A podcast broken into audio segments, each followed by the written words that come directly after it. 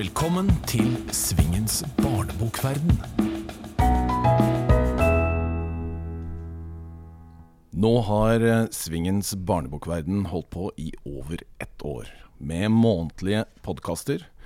Og jeg har rukket å snakke med en rekke spennende forfattere. Men lista med forfattere som jeg ønsker å ha med, er fortsatt lang. Og i dag er det to forfattere som jeg virkelig har gledet meg til å ha med i Svingens barnebokverden. Det er forfatter Ingunn Aamodt, og det er forfatter Tor Arve Røsland. Ingunn, vi skal begynne med deg. Ja, Velkommen. tusen takk. Jeg har lyst til å snakke litt om bakgrunnen din. For eh, hadde du sett for deg at du skulle bli forfatter da du var f.eks. 12 år? Nei, nei, nei. Eller 20? Nei, ikke da heller. 25? Nei.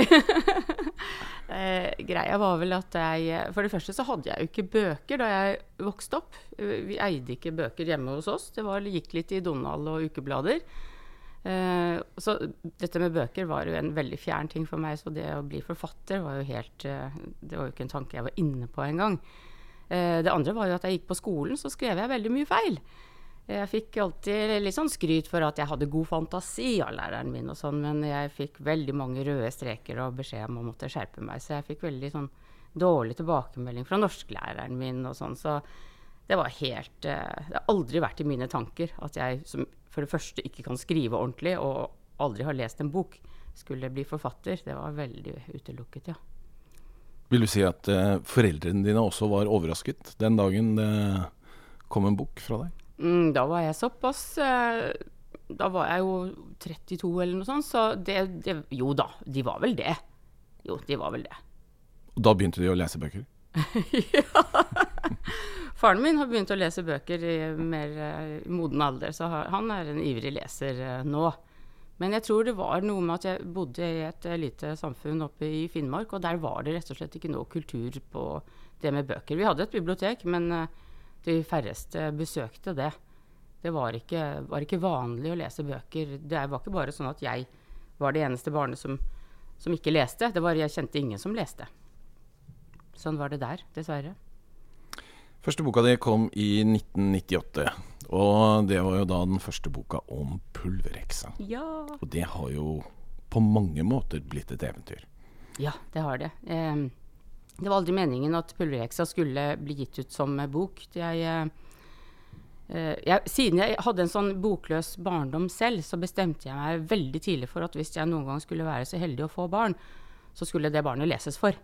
Eh, og så fikk jeg jo et barn, da. Eh, og hun, hun, ble lest for fra hun var så liten at hun omtrent ikke skjønte noe. Og jeg, jeg hadde problemer med å finne bøker hvor jeg kunne lese direkte uh, til henne, og hun forsto. Det var Ludde, og det var vel Emma og ja, disse billig, svenske billedbøker for veldig små barn. Men til og med de var litt for komplisert. Hun var jo kjempeliten, stakkar ett-to år. Så jeg følte alltid at jeg måtte lese bøkene inni meg først, og så måtte jeg på en måte oversette det for henne til et språk som hun forsto. Enkle ord og korte setninger, og jeg måtte forklare hva bøkene inneholdt. Og så etter å ha strevd litt med dette, så tenkte jeg det må da kunne gå an å lage en bok som, med en historie som, hvor hun forstår alt fra begynnelse til slutt uten at hun skal behøve å, å, spørre hva betyr det, og at jeg måtte forklare. Så jeg prøvde meg på det jeg lagde en historie som jeg kalte 'Pulverheksa får besøk'. Og så tegna jeg forklarende bilder til for å gjøre det enda mer forståelig for uh, hun som var så liten. Og så testa jeg ut på dette, putta det i en uh, ringperm og testa dette på henne, og det funka. Så sånn, uh, denne brukte vi mye hjemme hos oss. Men så fikk jeg en uh, lys idé om at jeg kan forsøke å sende dette til et forlag, da. Uh, jeg var innom uh, et forlag først som sa at dette var helt uinteressant. Jeg hadde ikke noe tro på at dette kunne bli noe suksess. Så jeg sendte det til et mindre forlag, Omnipax, da, som sa yes, vi trenger småbarnslitteratur i dette landet. Det er det stor mangel på. Så det var flere som hadde oppdaga det, da. Og resten er jo historie. Det jo det første forlaget tok grundig feil, for å si det sånn. Men neste år så har jo du da holdt på med pulvereksa i 20 år. Ja. 20-årsjubileum neste år. Når skjønte du at dette her må bli en serie? Så du det fra starten? Nei, jeg tenkte bare å gi ut den ene boka. Eh, Det var eh, det forlaget Underpack som jeg var på da, Anne Horn, som eh, sa til meg før den første boka var i trykken, lag flere. Vi trenger flere bøker om pulvereksa, lag flere. Så da gjorde jeg det, og det var vel da jeg skjønte at jeg skulle bli forfatter. Jeg ble bedt om å skrive mer. I Norge så har vi jo eh, en pågående debatt om virkelighetslitteratur. Jeg har lyst til å stille deg spørsmålet Er det noe av deg i Pulverheksa? Nei. Ingen liker. Nei. Absolutt ikke. Har du en favoritt i Pulverheksa-universet? Åh, det må vel være drømmeprinsen, kanskje. Han eh, er jo eh, har veldig god selvtillit og Og eh, ja, føler, føler seg kanskje litt bedre enn andre, men han, han er jo ikke det, vet du. Og han trenger alltid hjelp, og han er litt hjelpeløs egentlig, men uh, han er litt sånn Han er sånn deilig komisk. Kanskje, kanskje jeg liker han aller best. Men nå som du har holdt på med Pulverexa såpass lenge De som leste da den første boka i 98 og var fem år da, de er f.eks. 24 i dag. Ja. Hender det at du møter noen av de godt voksne som sier at ja, disse bøkene hadde jeg da jeg var liten? Ja. Ja. Du vet, jeg har jo en eh, tatovering av pulvereksa på eh, overarmen min, og så særlig om sommeren når jeg går med litt bare ermer, så, så er det mange som kommenterer. Hvis jeg f.eks. er i, handler i en butikk, og da står det en bak disken og sier 'Å, der er pulvereksa! Husker jeg så godt fra da jeg var liten!'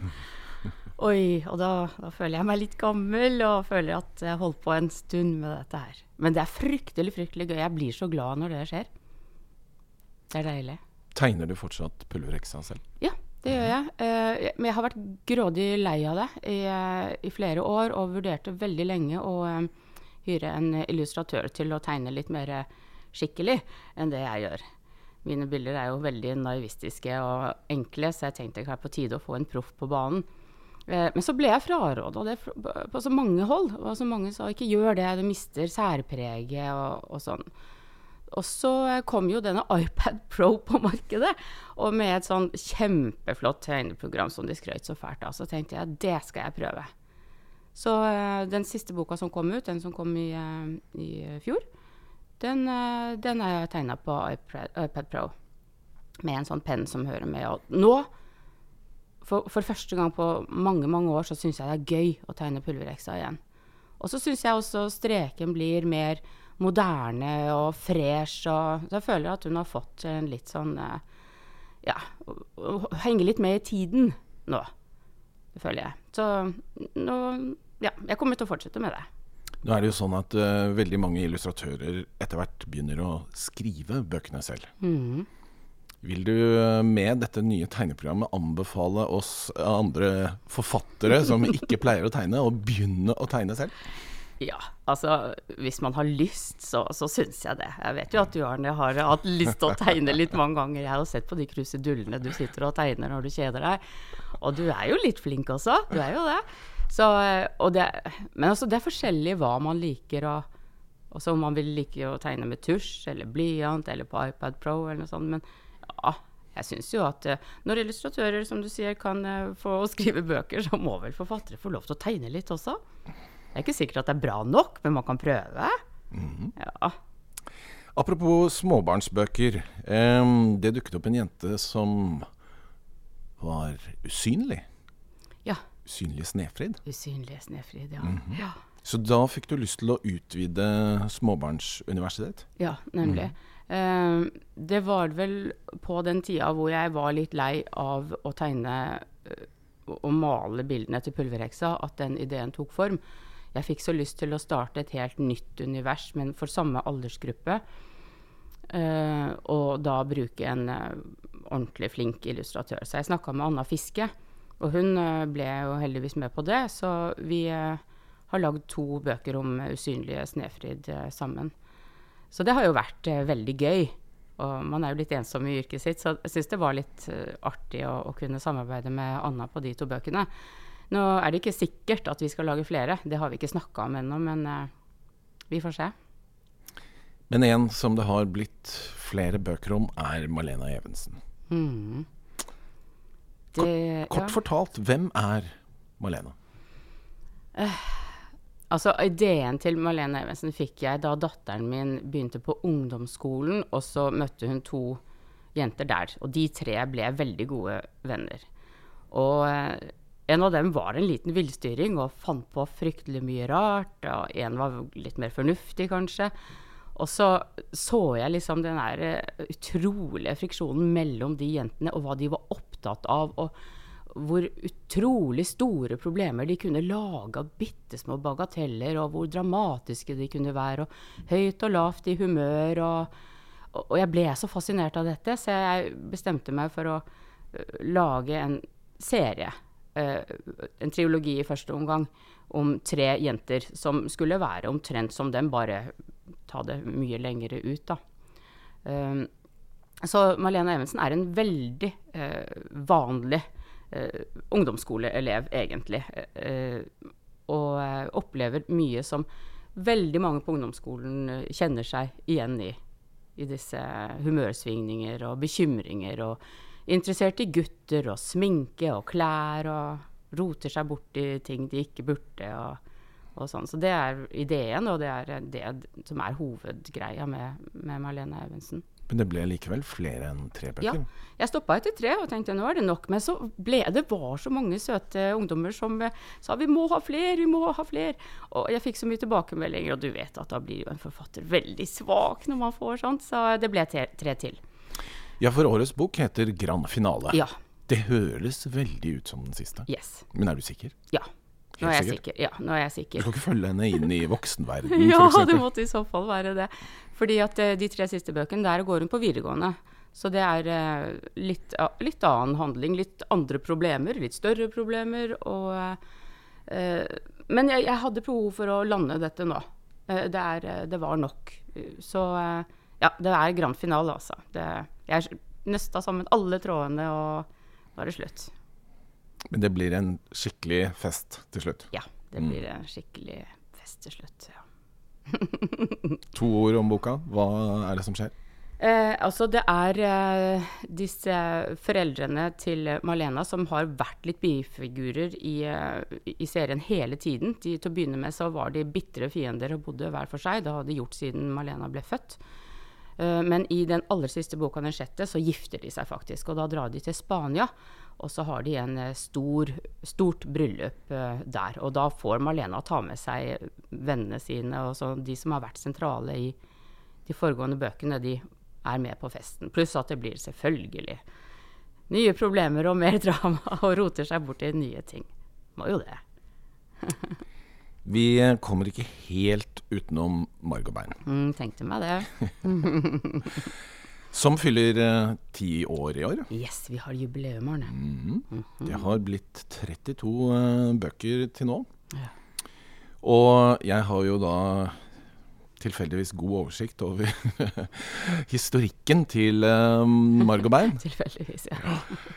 og der er det jo én bok som har blitt et helt vilt fenomen.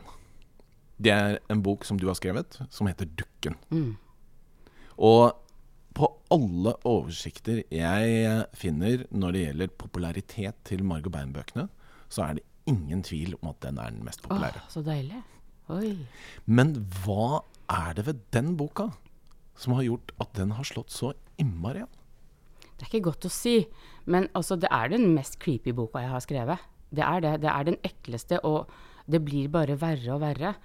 Og eh, altså vi i Margot Bein har jo til og med blitt advart, eller foreldre har blitt advart om å kjøpe bøkene våre fordi at de er så skumle. og, og den, I denne boka så tok jeg det helt ut. Altså jeg stikker ut øyet på en jente med saks, og det blir bare verre og verre. Uh, men det viser seg jo at ungene vil ha det. Altså Jo ja. verre, jo bedre. Det har vi jo opplevd. At foreldrene kan være så bekymra de vil, og kritikere kan være bekymra, og ekspolitimenn kan være bekymra. Men eh, det er dette ungene vil ha. Og jeg tenker alltid sånn at det fins masse, masse guffen, fæl litteratur for voksne. Og de elsker det. Og så hvorfor skal vi holde tilbake når det gjelder barn, hvis det er det de vil ha?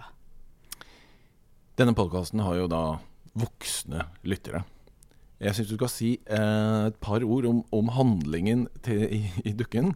Men jeg syns du må holde litt igjen, for husk på at dette er voksne lyttere. De tåler ikke fullt så mye. Nei, det er sant. Det er, sant. Det er litt mer sånn såre og vare. eh, handlingen i dukken er at eh, altså en jente, litt ufordragelig jente, eh, arver en dukke fra oldemoren sin. Oldemoren sier veldig klart ifra at denne dukken må du behandle bra. Da kommer det til å gå deg godt. Det samme som skjer med dukken, vil nemlig skje med deg. Men denne jenta hun, er, hun syns dukken er grusom og stygg. Og eh, kusinene hennes har arva dyre ting, smykker, og de har fått eh, verdier.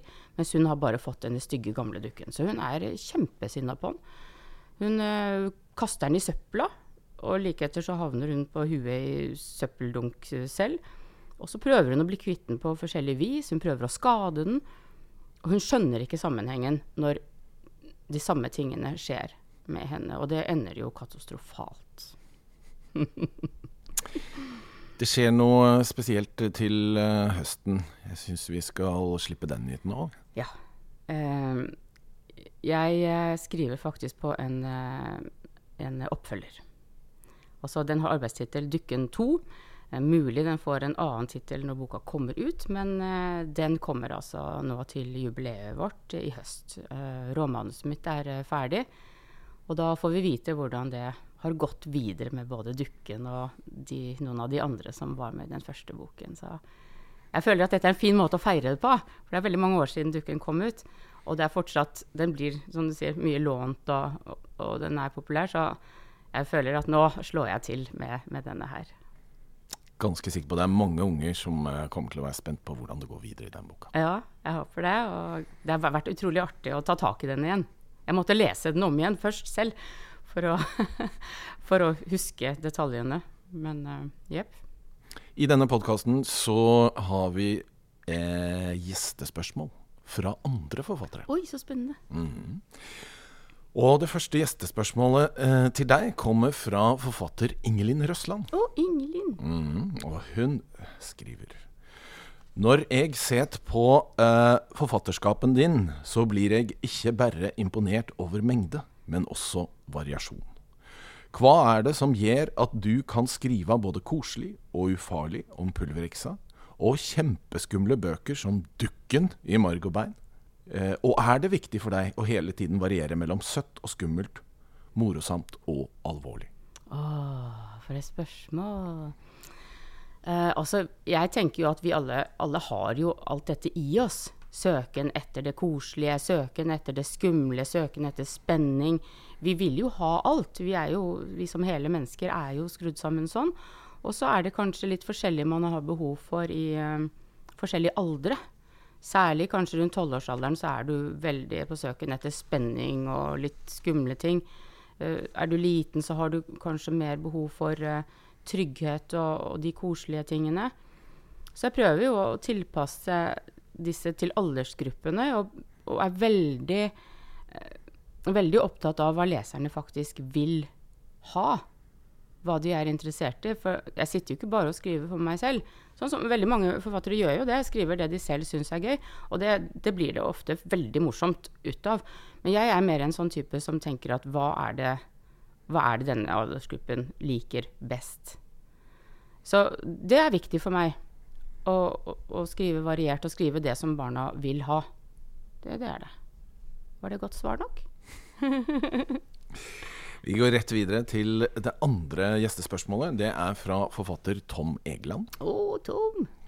Hvor viktig er responsen fra leserne dine for deg? Mine egne barnebarn elsker bøkene dine, og det slår meg at det må føles utrolig inspirerende å vite at du har så mange begeistrede barn og unge som kaster seg over bøkene dine. Ja. Det betyr enormt mye. Uh, jeg får jo jeg får jo eh, tilbakemelding fra foreldre og besteforeldre. Jeg får jo sjelden oppleve barnas begeistring. De bryr seg jo ikke om damen med bok. De, de bryr seg om pulverheksa og, og de figurene mine. Men når jeg får høre dette og får tilbakemeldinger fra foreldre og besteforeldre og, om sånne ting Jeg får jo mailer og, og litt sånn beskjeder rundt omkring. Så blir jeg alltid kjempeglad. Det er sånn man kan si at kanskje tro at når man har fått tilbakemelding mange ganger, så begynner det å prelle litt av. Men det gjør ikke det, vet du. Jeg blir like glad hver gang. Så eh, ja, ja, folk må fortsette med det. Men la oss si at du måtte velge. Du måtte velge mellom enten å få en veldig stor litteraturpris mm -hmm. eller kjempegode kritikker. Masse gode kritikker. Eller veldig mange lesere. Ja, men jeg vil ha veldig mange penger. Det tok du ikke med. det vil kanskje ligge litt i kortene på det siste, vil jeg tro. Ja. Med mindre selvfølgelig den litteraturprisen uh, kommer med mye penger. Du, ja, ikke sant. Nei, du, jeg hungrer jo etter en skikkelig pris. Jeg er jo ikke noe særlig prisbelønt forfatter, jeg er jo ikke det. Jeg er jo for kommersiell til det. Jeg skriver ja, ja, mer det barna vil ha. Jeg er ikke så veldig dyptfølende og dyp og inderlig av meg, så det blir lite høythengende priser på meg. Men, øh, og jeg lengter etter det, men jeg sørger ikke voldsomt. Altså, det er vel mer den respons Å vite at jeg har mange lesere. Altså, en ting er å selge, som jeg sier. Øh, for ja, det er, jo, det er, jo, butikken min, det er jobben min, så jeg er avhengig av å tjene penger på dette, og det er veldig fint. Men jeg blir like glad når jeg ser at, at det blir lånt ut på biblioteket. Det å, se at mine bøker er de de vil ha, at det er tomt i hylla, at de har tatt med seg, og at det er ventelister. Det er sånt gjør meg kjempeglad. Så eh, ja, kritikkene Ja, det var vanskelig spørsmål det der, altså, Arne. Det, ja, jeg ville alt, jeg. Men hvordan ser egentlig en arbeidsdag ut for deg? Er du uh, disiplinert? Jobber du litt sånn i rykk og napp med prosjekter og slapper mye av imellom? Eller mm. hvordan gjør du det? Jeg er nok litt sånn rykk og napp-person. Til å begynne med, eh, da jeg starta for ja, snart 20 år siden, så var jeg veldig da satte jeg meg ned på morgenen og jobba fram til klokka tre-fire. Da hadde jeg kontortid, og da skrev jeg. Eh, sånn, men med årene så har jeg blitt litt mer sånn at jeg, jeg jobber jo hver dag, men da går det mer på fakturering og svare på mailer og litt sånne ting. Går kanskje å skrive noe sånne ned ideer som jeg har i hodet mitt og, og sånt. Men når jeg virkelig skal sette meg ned for å skrive, da reiser jeg gjerne på hytta. Da sitter jeg der, og da ser jeg ikke et menneske på et par uker, eh, kanskje. Og jobber bare fra tidlig om morgenen til sent om kveld. Det er da jeg er mest effektiv. Og da, særlig på de, de lange På romaner og litt lang, lengre bøker. Så da føler jeg at jeg, jeg har det mer klart i hodet hele tiden. Så det er lettere på den måten. Men også det å illustrere, f.eks. Kan bare reise opp i hytta en uke i januar bare for å sitte og å tegne. Det er da jeg jobber best, når jeg ikke har folk rundt meg i det hele tatt. Men så har jeg lange perioder hvor jeg ikke jobber også. Så jeg bare går og ja, surrer litt og koser meg. De fleste forfattere har noe de syns er vanskeligere enn andre ting ved det å skrive en bok. Har du noen sånne gjentagende utfordringer som her syns jeg er vanskelig å få til? For min egen del er det f.eks. ofte at jeg må skrive om igjen starten på bøkene. Mm, mm. Fordi jeg da ikke kjenner eh, karakterene mine godt nok. Ja. Sånn at jeg må stadig gå tilbake og gjøre veldig store forandringer yes. på starten. Selv om kanskje starten har vært det aller morsomste ved hele prosjektet å skrive. Ja. ja men det har du rett i. Uh, det, det, der er et problem. Det er det. Og ikke bare skal du bli kjent med hovedpersonen, men du skal også uh, finne eh, hvilken form du skal skrive. Er det nåtid, eller eh, ja, eh, er det jeg-form? Sånne ting. Så jeg skriver også første kapitlet bruker jeg lang tid på å skrive om og skrive om. Men eh, nå skal det jo sies at de siste tidene så har jeg skrevet serier, så jeg kjenner figurene fra før. Jeg kjenner formen fra før. Så når man skriver bøker om de, de samme, så, så, er det ikke Pulvereksa og Malene Evensen her, har jeg ikke det problemet. Men, men Borg og Bein-bøker, ja. Uh, for der har vi jo nye karakterer og, og, sånn. Så jo, jeg tror jeg er på det samme som deg. Og så er jeg fryktelig opptatt av at det skal slutte Altså slutten skal være så bra. Og det er en sånn Det er ikke et problem også, men jeg, jeg henger meg så opp i det. At jeg, jeg må jeg, Hele fra jeg starter på boka, så går jeg og tenker på slutten. Slutten må være pang. Det må være noe knall her. Så ja, det, det er i hvert fall en ting jeg er fryktelig opptatt av. Om det ikke er noe stort problem, så er det i hvert fall en ting som jeg er uh, veldig opptatt av. Hvis du skal dra fram én ting som du vil si er din styrke som forfatter, hva vil det være? Det må vel være min overutvikla fantasi, tenker jeg. Som, uh, som min norsklærer sa til meg en gang, men jeg ikke fikk noe kred for. jeg mangler aldri ideer. Det er ikke. Jeg har masse, masse bøker i huet. Av og til så tenker jeg at jeg burde koble meg til en printer og få det ut. Men det er klart at det er mye vanskeligere å få det ut enn når, at det ligger på lager i hodet. Men uh, der har jeg i hvert fall en uh, fordel. Jeg uh, har mange ideer. Mm. Nå skal vi tilbake til virkeligheten. For jeg har utfordret deg til en forfatteranekdote. For vi er jo tross alt fortellere. Men denne fortellingen skal da være noe som kanskje har skjedd? Ja. ja. OK. Nå skal du høre. Uh, skal vi se. Etter at jeg hadde gitt ut min andre bok om pulverheksa, så bestemte jeg meg for å skrive romaner. Jeg, uh, det var to fantasyromaner. Det het eh, 'Når sola går ned i Limanaki' og 'Når latterbjørner gråter'. Uh, og på den tida så var jeg jo veldig bestemt på at jeg skulle leve av å være forfatter, og da var det veldig fint å reise på turné, for det tjener man litt penger på, og man får uh, vist fram bøkene. Så jeg reiste jo land og strand rundt i flere uker med disse fantasybøkene mine. Og uh, på den tida da var det altså en med samme etternavn som meg, som var fryktelig populær. Han het Kjetil André Aamodt. Og han var jo alle barns store, store helt på den tida. Han var jo superstjerne, han. Så alltid når jeg kommer som en fremmed dame inn i et klasserom med en bok og sier 'hei, jeg heter Ingunn Aamodt', så var det alltid en som rakk opp hånda og spurte 'er du i slekt med Kjetil André Aamodt'? Og jeg måtte jo si som sant var at nei. Og da gikk det en sånn sukk gjennom forsamlingen. Å, ja vel. Dame med bok. Kjedelig.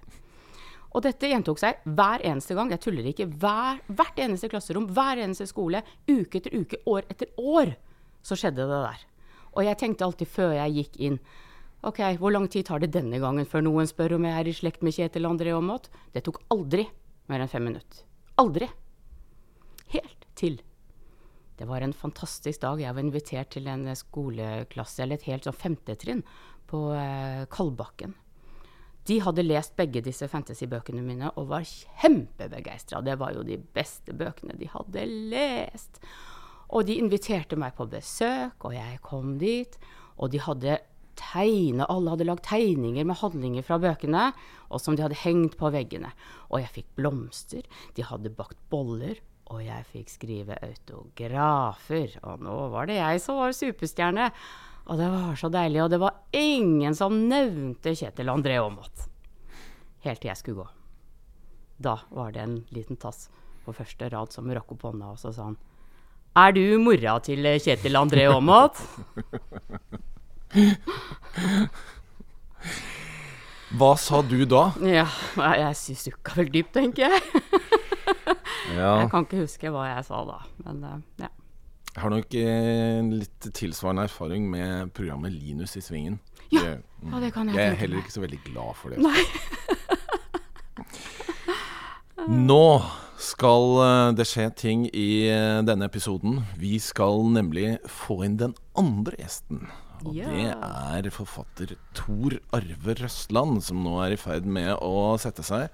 Velkommen, eh, Tor Arve. Tusen takk.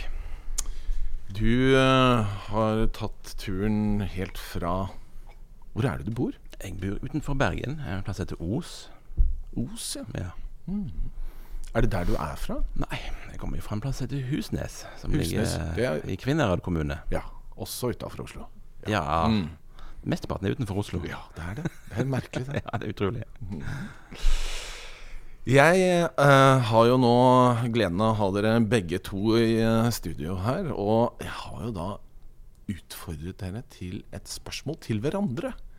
Jeg lurer på, Kanskje vi skal vi begynne med ditt, uh, Ingunn? Ja, det kan vi gjerne. Altså, både Tor Arve og jeg skriver jo litt sånn ja, fantasy, spenning, skumle ting og litt sånn overtro og, og litt sånn. Så jeg Selv så har jeg jeg tror jo ikke på sånt.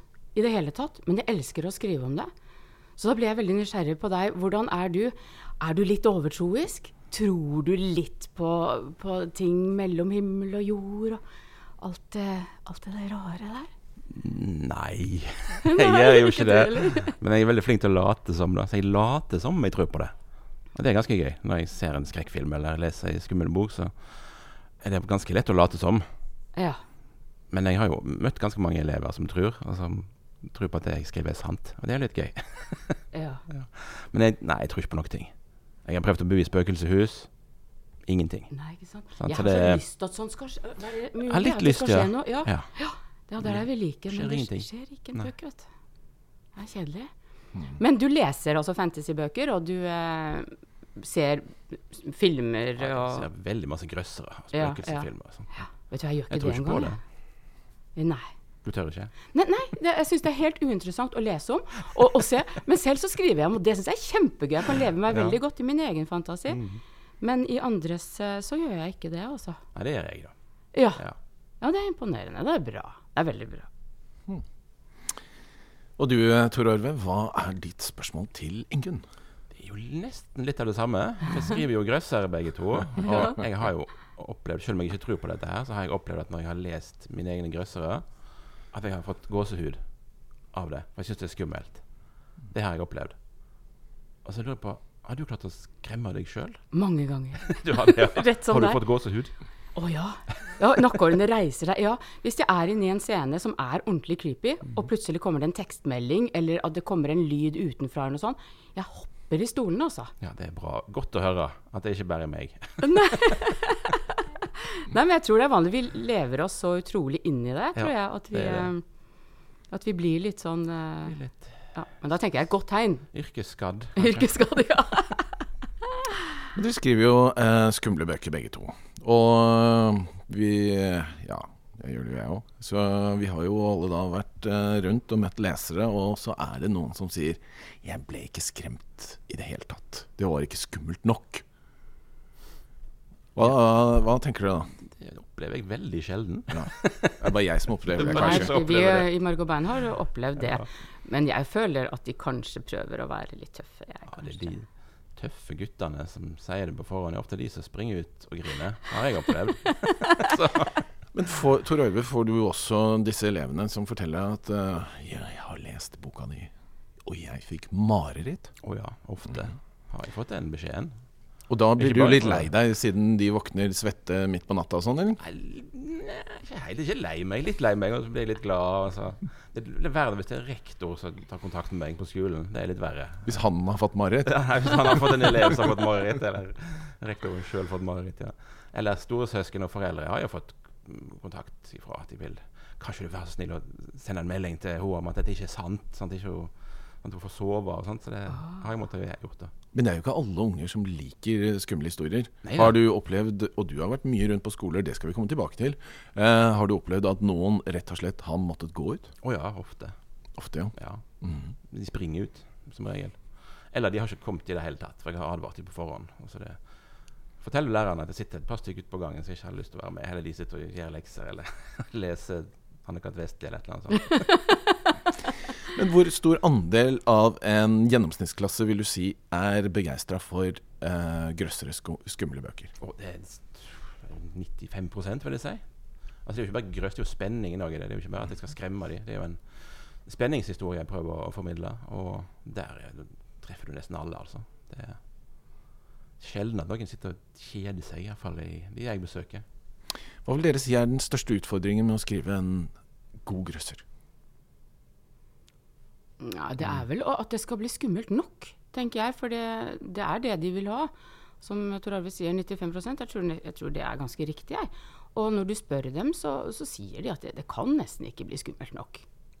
Nei, det er det. Det er det å balansere mellom å være skummelt og spennende og det å skli over i sånn splatter og få masse action. Da, da det, kan det fort bli platt, har jeg merka i mine. Så jeg må ofte holde litt igjen. Altså heller legge til litt mystikk. da Så den mystikken, at ikke du vet helt hva som foregår. Ja, at man har en kurve, tenker jeg. Ja. At ikke det er det kan, Spenninga kan ikke være på topp hele tiden. Nei, det går ikke. Du Da blir ha- det platt, som du sier. Man må ta seg litt inn og komme litt ned. Roe litt ned. Jeg skriver jo om ting jeg syns er skummelt sjøl.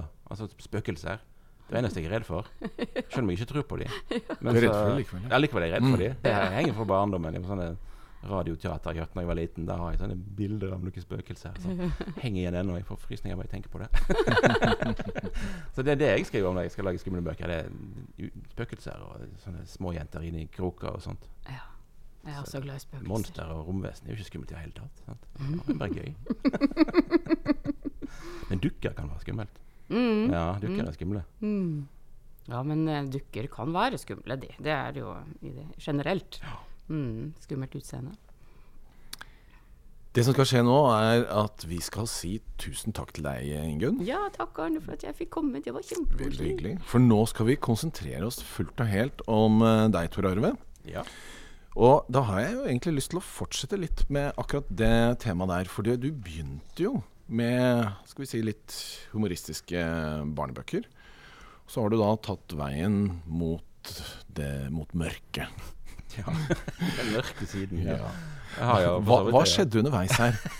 Jeg vet egentlig ikke. Når jeg var sånn tenåring, så leste jo jeg stort sett kun grøssere. Det var det jeg leste. Jeg leste alt av Stephen King og Clive Barker og sånne folk. Og så, når jeg skulle gi ut bok, så ga jeg ut ei tøysebok, ei humorbok om en gutt som heter Pode, og alt det rare han drev på med. Men på et eller annet tidspunkt så fikk jeg da den ideen til den første grøsseren jeg ga ut, som heter Svarte Matilda. Basert på en vandrehistorie som dattera mi hadde hørt. De der lekte dette her inn på badet og og så inn i speilet. Og så sa de 'Svarte Matilda' sju ganger. Og så kom de springende ut og, og hylte og skreik. Og da tenkte jeg ja, dette, dette kan jeg jo skrive om. Hvem er denne svarte Matilda? Så da ble det en voldsom historie ut av det. Og da ga det mersmak, så dette ville du fortsette med? Ja, det ble jo en serie på tre bøker der. Og så har jeg jo to andre grøsser òg som er kommet i ja, etterpå. Så det, ja, det ga mersmak. Men jeg tenkte, hvorfor har ikke jeg gjort dette før, tenkte jeg. Det er jo dette jeg har lest. Det er dette jeg kan. Jeg studerte jo litteratur på universitetet. og studerte skrekkelitteratur. Så det var jo liksom det var jo, Hvorfor begynte jeg ikke med dette tidligere? var egentlig tanken. Så vi kan være sikre på én ting, og det er at du har ikke skrevet din siste grøsser. Jeg håper ikke det. Nei. Nei, nei. Det er det jeg holder på med nå. òg. Mm. Men du har også foretatt en annen, eh, skal vi si, liten reise fra nynorsk til etter hvert å begynne å skrive en del av bøkene dine på bokmål. Fire bøker på bokmål. Hvorfor valgte du det? Ja, det er jo ikke noe valg. Det er bare, altså, jeg er jo vokst opp med begge deler. Altså, når vi var små, så Vi lekte jo på bokmål med. Altså, når vi sprang rundt og var cowboy og indianer. Enten var det engelsk eller så var det bokmål. Så det, jeg har et like godt forhold til bokmål som til, eh, til nynorsken, egentlig. Men klart nynorsk ligger jo nærmere, selvsagt, både dialekten og, og hjertet. Jeg har ennå ikke skrevet Jeg har skrevet én grøsser på bokmål, men den med en sånn humorgrøsser jeg syns jo nynorsk er et skumlere språk, og det funker veldig godt til grøsser, egentlig. Så det, det er ikke noe sånn bevisst valg. Jeg begynte på en historie og sa ja, nei, dette ble bokmål. Og så ble det bokmål, rett og slett. Jeg leste et sted at uh, du ble forfatter fordi du er ganske lat. Veldig.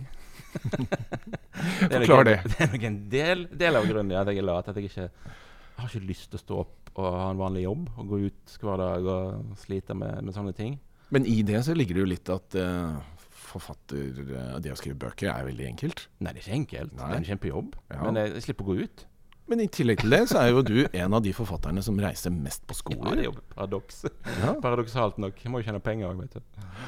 Men Så det, det er hardt å være lat i dag, er det det, det du sier? Det er hardt å være lat. Det er det. Latskapen går vel på at jeg ikke har lyst til å, å ha en, en skikkelig jobb. Sånn type ut og, med faste arbeidstider og sånt. Det er vel det det ligger i det, egentlig. Men å skrive er jo, er jo hardt arbeid. Det er jo et slit innimellom. Og av og til er det kjempegøy. Og så av og til står en der og stanger, og kanskje jeg skal spille PlayStation istedenfor i dag.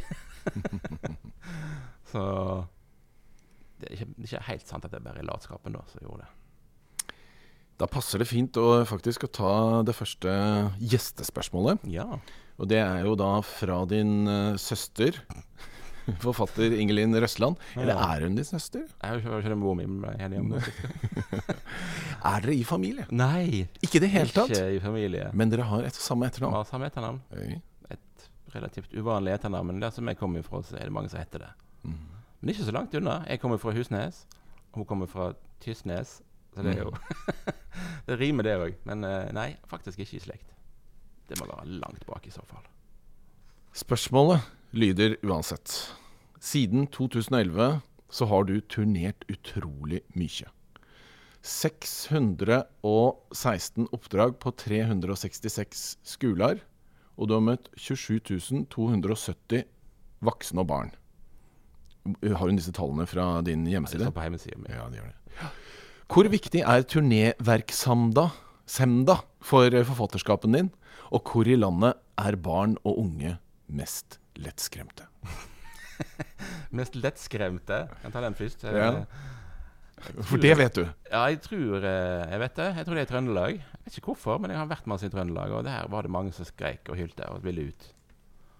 Mens i Finnmark så er det jo De syns det er gøy, de òg, men de blir jo ikke skremt på samme måten. Hva kommer det av? Jeg vet ikke. Jeg har ikke noen forklaring på det, men det er min erfaring iallfall. Uh, første delen, om det er viktig for forfatterskapet, vet jeg ikke. Altså, jeg hadde jo Hadde jeg kunnet levd av bare å skrive bøker, så hadde jeg reist mindre på turné. Det er jo helt klart, for det er jo det er jo for at det er en god inntektskilde. Kjenner du mer på turnévirksomhet enn på bøkene dine?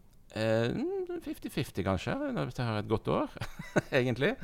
Men eh, Så det er ikke viktig for skriving av bøker. Det er det ikke. For jeg skriver ikke bøker når jeg er på turné. Da sitter jeg på Netflix. Eller går på tur i skogen, eller avhengig av hvor jeg er. Men eh, jeg får ikke gjort noe jobbing. Så nei, det, jeg hadde nok valgt min Jeg, nok, jeg liker å være på turné, da, så jeg hadde nok sagt ja til turné hvis jeg var tjente mange millioner på bøkene òg, men eh, langt mindre enn jeg gjør nå. For du har jo da gjort en ting som eh, jeg har tenkt flere ganger at det burde jeg også gjort. Du har faktisk laget en oversikt over alle skolene du har vært på. Nesten. Nesten. Du Ja. begynte ikke, Nei, begynte- Gjorde ikke starten. Ikke fra helt fra begynnelsen, nei. Nei, Jeg begynte når det liksom begynte å bli masse. Mm. Begynte bare å telle, for et eller annet må jeg gjøre på hotellrommet når jeg kommer hjem. Så bare, eller etter turnébesøk så bare jeg inn og jeg inn hvor mange elever jeg hadde den dagen. Så baller det på seg, rett og slett. Det blir spennende å se hvor langt opp det går. Men jeg har hørt at du ikke har lappen. Jeg. Jeg har lappen nå. Har du det? ja, ja, Men nå- lenge så hadde du den ja, ikke. Nei, lenge hadde jeg ikke lappen. Hvordan gikk det å drive og turnere rundt i langstrakte Norge uten å kunne kjøre bil? Det var jo slitsomt, egentlig. Egentlig mye mer slitsomt enn å, å kjøre rundt. For det syns jeg er veldig behagelig nå. Jeg tok lappen for tre år siden for å kunne reise på turné. Tenkte du da 'hvorfor har jeg ikke gjort dette før'? ja, selvfølgelig. Når lappen var i boks, så tenkte jeg det. Men mens jeg holdt på, var det helt forferdelig. Jeg måtte jo omprogrammere hele hjernen. Det er ikke bare bare for en voksen mann. Men uh, før det så var det buss, og det var båt og tog og fly og drosjesjåfører og bibliotekarer som kjørte meg rundt. Og Jeg har vært på en eh, bussturné, og da har jeg sagt aldri mer. Nei, det, ble, det var noen store runder jeg hadde i Trøndelagsdistriktet, så det var, det var litt sånn utmattende. Ferdig med dagen, så jeg hadde fem timer til bussen din går. Sjekke ut av hotellet. Sitte på en busstopp og gå og tutle rundt på en eller annen gudsforlatt plass og vente på en buss. Det er Det er hardt liv. ikke så gøy. Nei. Men en fin opplevelse òg. Jeg ble kjørt rundt av en eh, pensjonist i Nord-Trøndelag som var tilknyttet Frivillighetssentralen. Han hadde meldt seg på der for å tok forskjellige oppdrag. Og blant annet kjøre meg rundt. da. Men det var veldig hyggelig. Han kunne jo alt om alle plassene vi var på. Men en opplever jo andre ting òg. Jeg fikk jo en eh, skikkelig ja, For å si det rett ut, en skikkelig rasistisk drosjesjåfør som skulle kjøre meg i to timer, og det første han sier «Ah, Alle disse helvetes utlendingene, hva syns du om de? Og Jeg tenkte bare Hvorfor i all verden satte jeg meg ikke i baksetet? tenkte jeg. så sånn eh, Det er både fine og, og feil opplevelser med sånne ting. Men det er greit å kunne kjøre sjøl. Så er det jo da selve skolebesøkene. Og du som har litt uh, tydeligvis liker litt statistikk og holder oversikt over ting. Altså Mange av spørsmålene man får rundt omkring, er jo de samme. Men noen spørsmål man får, er jo da veldig annerledes. Veldig gode.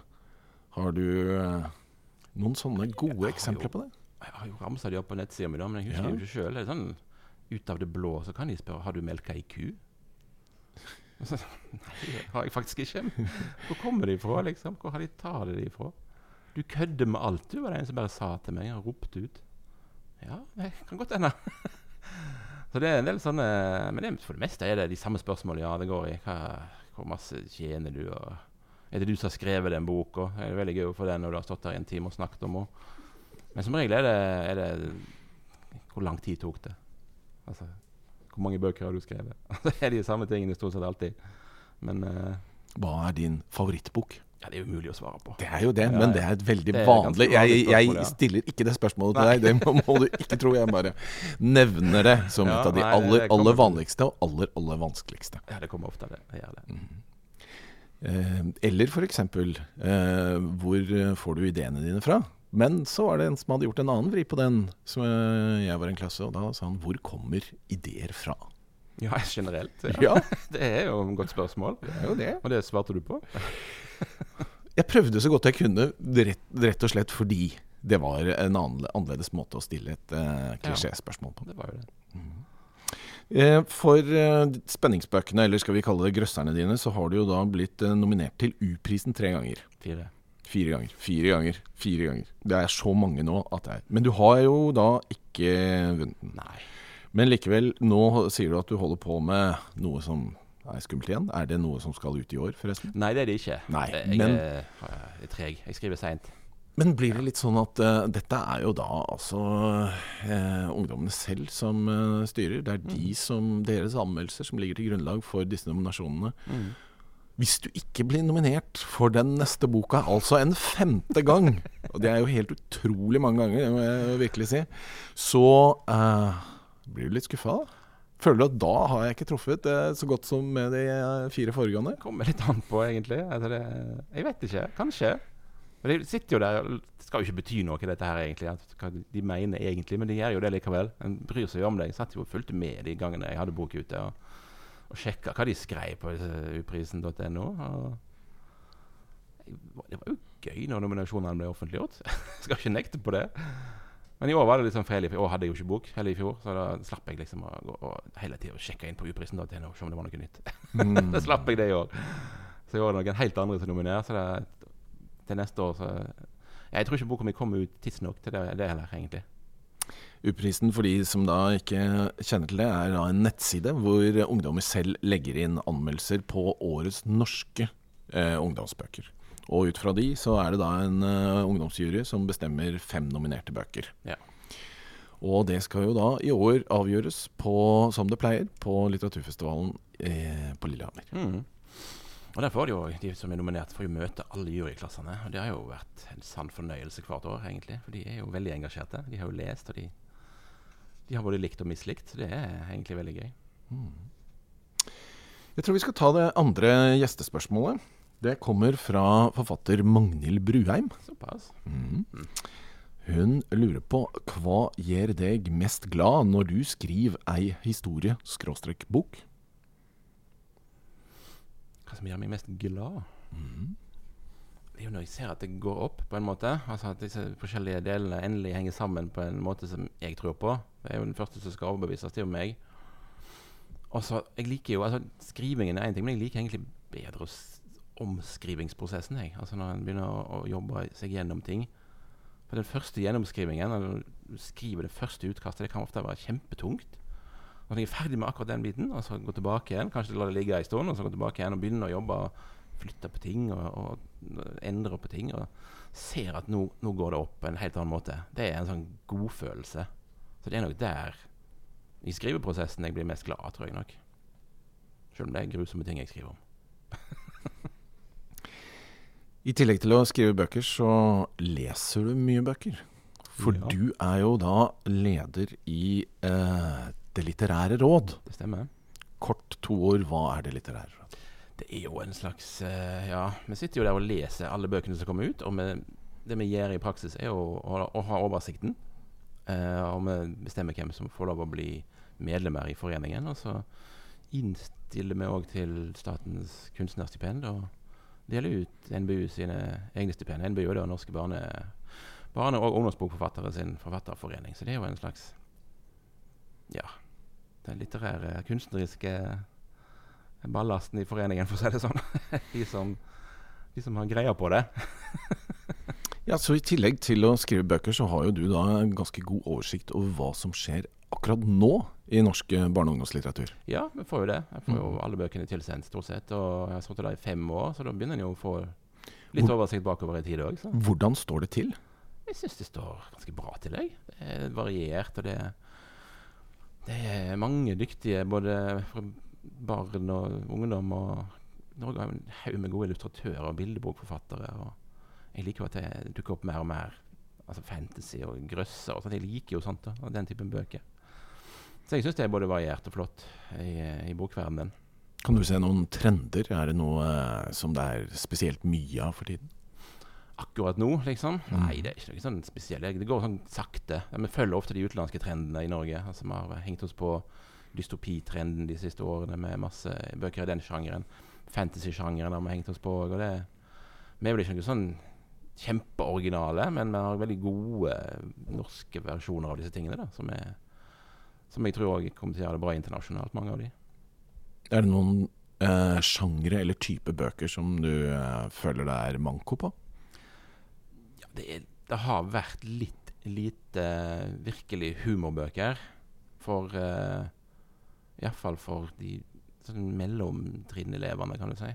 Du skriver jo til de, selvfølgelig, men uh, det, og noen for andre. Men det, der har vi diskutert at der er det kanskje litt lite. Men det dukker jo opp stadig vekk morsomme bøker, altså det gjør jo det. Men i forhold til de andre sjangrene så er det kanskje litt mindre der. Men det er ikke sånn at jeg eh, sender ut varsko. Det er ikke det. Det er bare en sånn generell betraktning som en gjør seg. Ville du gjort det? Ville du sendt ut et varsko hvis du følte at det var noe som var eh, ja, altfor lite? Ja, jeg skriver en sånn årlig eh, opp, oppsummering. Altså prøver jo å å, oppsummere året som har vært, og legge det ut på nettsidene til eh, NBU. Men uh, det har ikke vært noen sånn supersituasjoner uh, som har vært ekstraordinære. Nei, det har ikke det.